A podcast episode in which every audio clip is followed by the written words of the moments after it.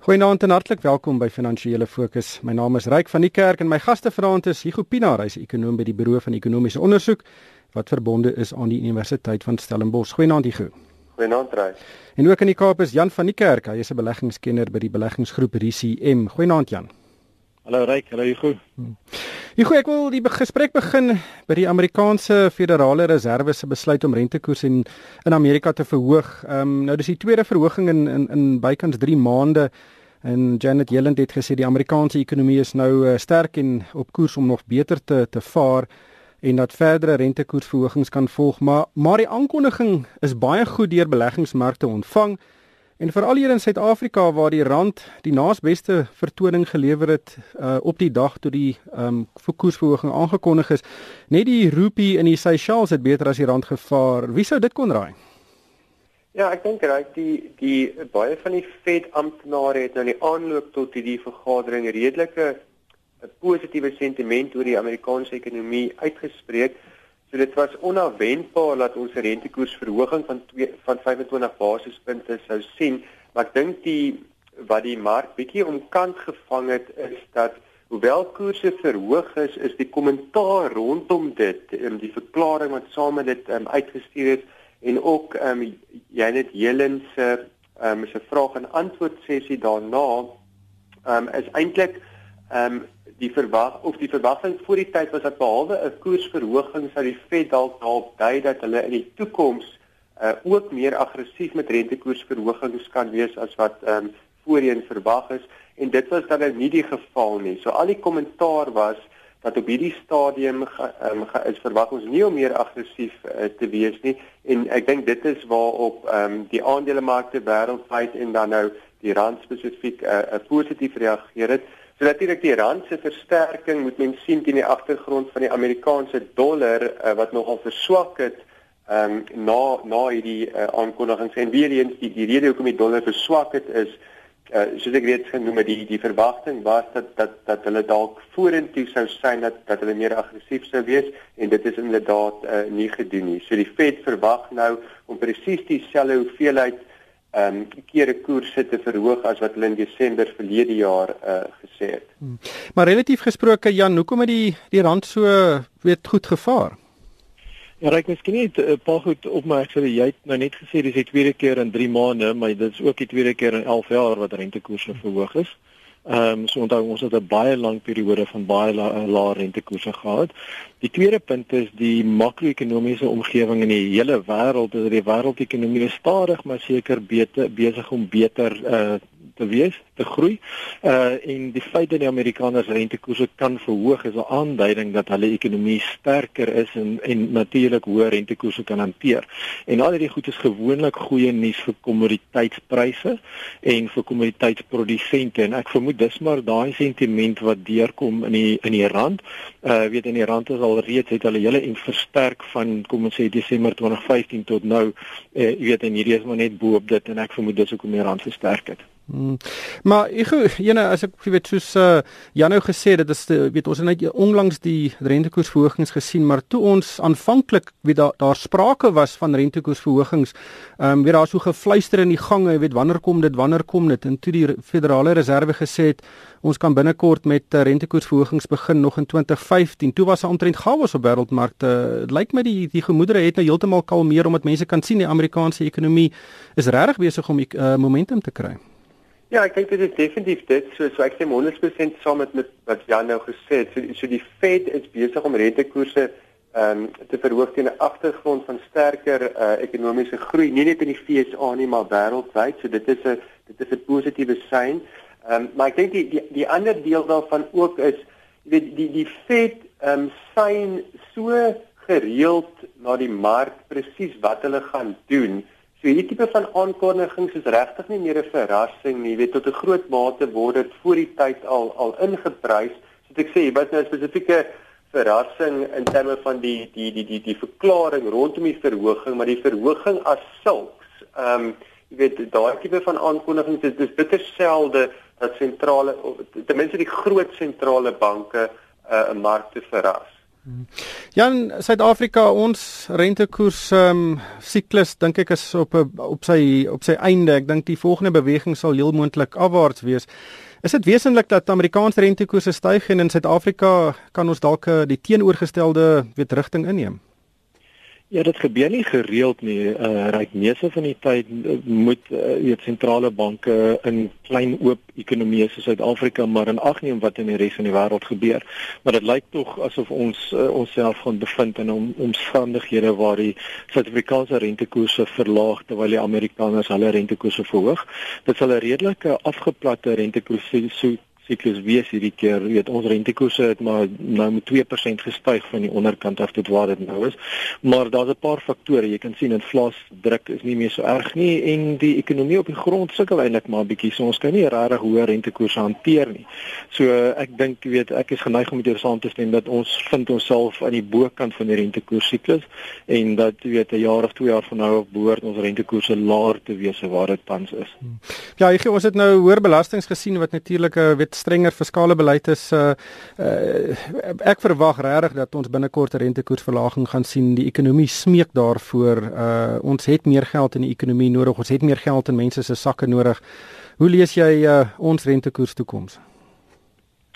Uh miskien moet ons begin deur deur te kyk wat die Reserwebank self sê en um, aan die een kant sê hulle ook Ehm um, ons is naby aan die einde van die van die opwaartse rentekoers siklus. Ek stem saam dat ons reeds aan die einde van daai siklus is.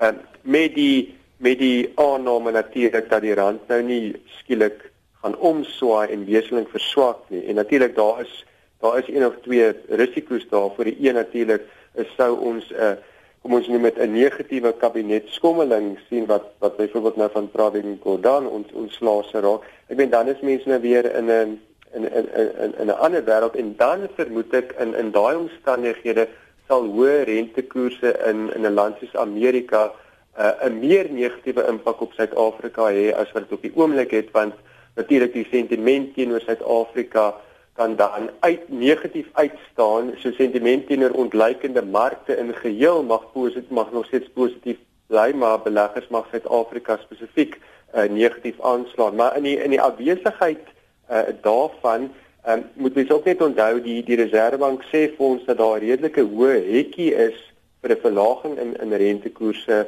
uh, in in Suid-Afrika. Nou ek dink daai hekkie is besig um, om om te verminder. Um, ons is anders as in Amerika. In Amerika is inflasie besig om om redelik vinnig op te tel. In Suid-Afrika is ek vooruitsigte dat inflasie gaan verlangsaam oor die volgende 12 maande en ek dink daar's 'n goeie kans dat daai inflasie verlangsaming mense positief uh, verras. As mens nou kyk wat met mieliepryse gebeur, die rand het ons reeds oor gepraat, die olieprys ehm um, wat besig is om om om af te kom en dan nou wat ek dink min aandag kry is dat ehm um, Mersa se aankondiging dat Eskom net 'n 2% of 'n 2.2% elektrisiteitsverhoging gaan kry um, hierdie jaar. Al daai tipe van goed is positief vir ons inflasie vooruitsigte en dan met met waar ons ook natuurlik anders is as in Amerika, daar is groei aan die optel.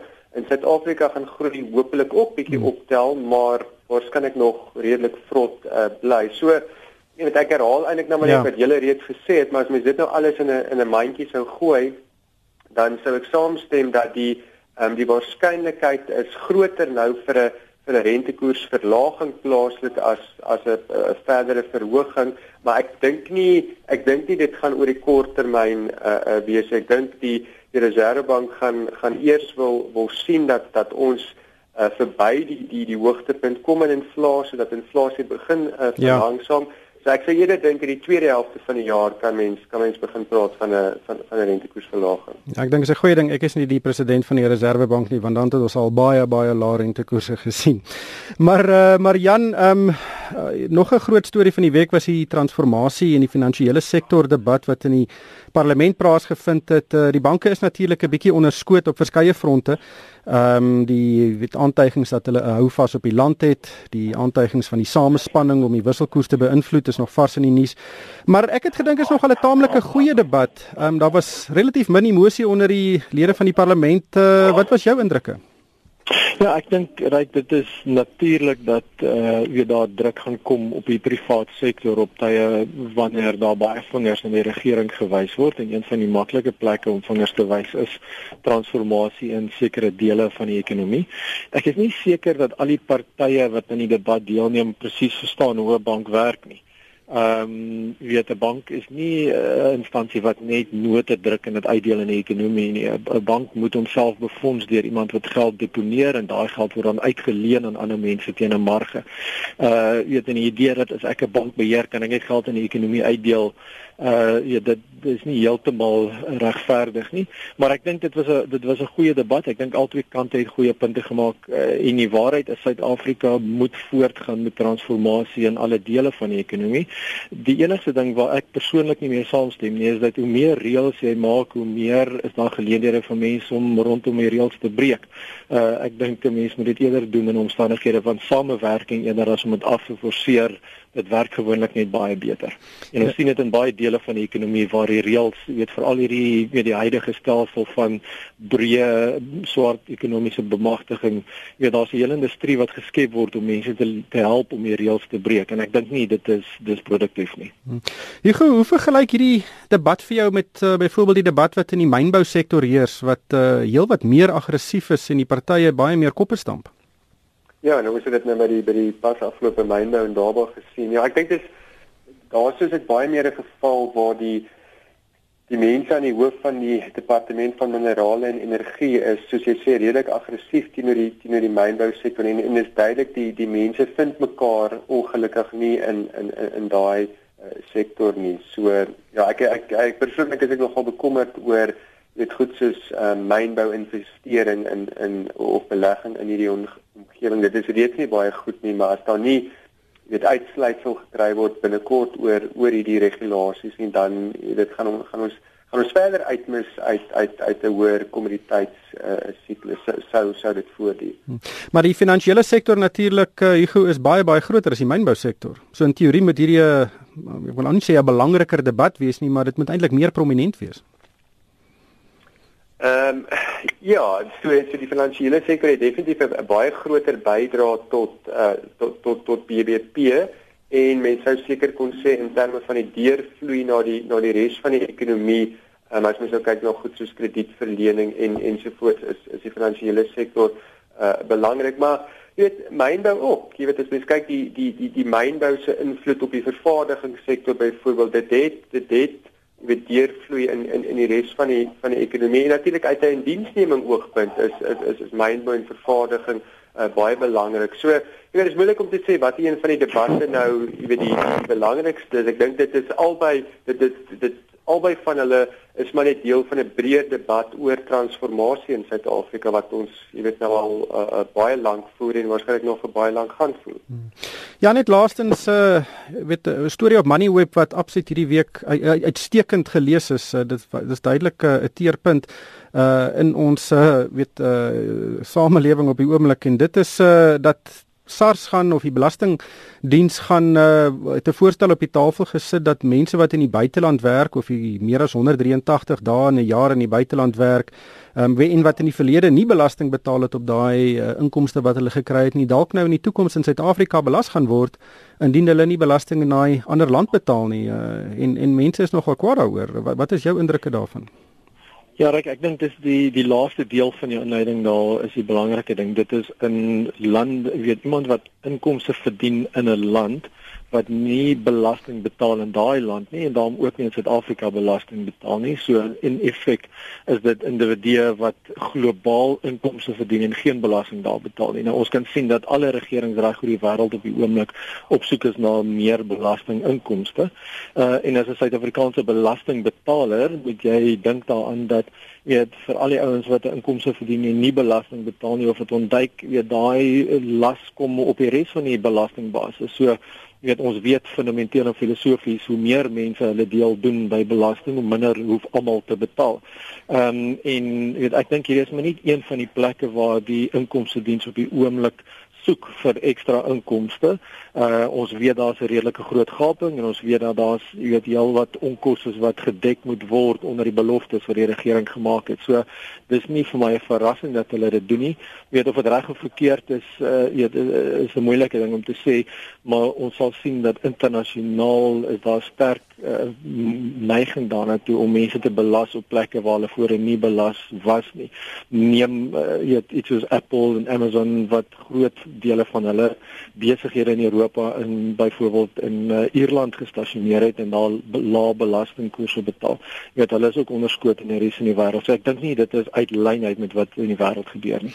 En is natuurlik uh, vir al die lande in die Midde-Ooste waar daar baie baie lae belastingkoerse is indien enige vir individue wat die teiken is en baie Suid-Afrikaners werk daar. Dis reg ja, so weet as jy as jy sien die name van die plekke wat hulle genoem het, is tipies lande waar weet Suid-Afrikaners of dan ander burgers gaan werk, uh, weet dollar inkomste kry en geen belasting betaal nie in daai land nie en ook nie in Suid-Afrika nie. Hmm, dit is maar die wet van Transvaal, nê. Maar ongelukkig het die tyd ons ingehaal. Baie dankie aan Jan van die Kerk van RCM en die Groepinaar van die Buro van Ekonomiese Ondersoek en vir my ryk van die Kerk. Dankie vir die saamluister en ek koop almal 'n winsgewende week.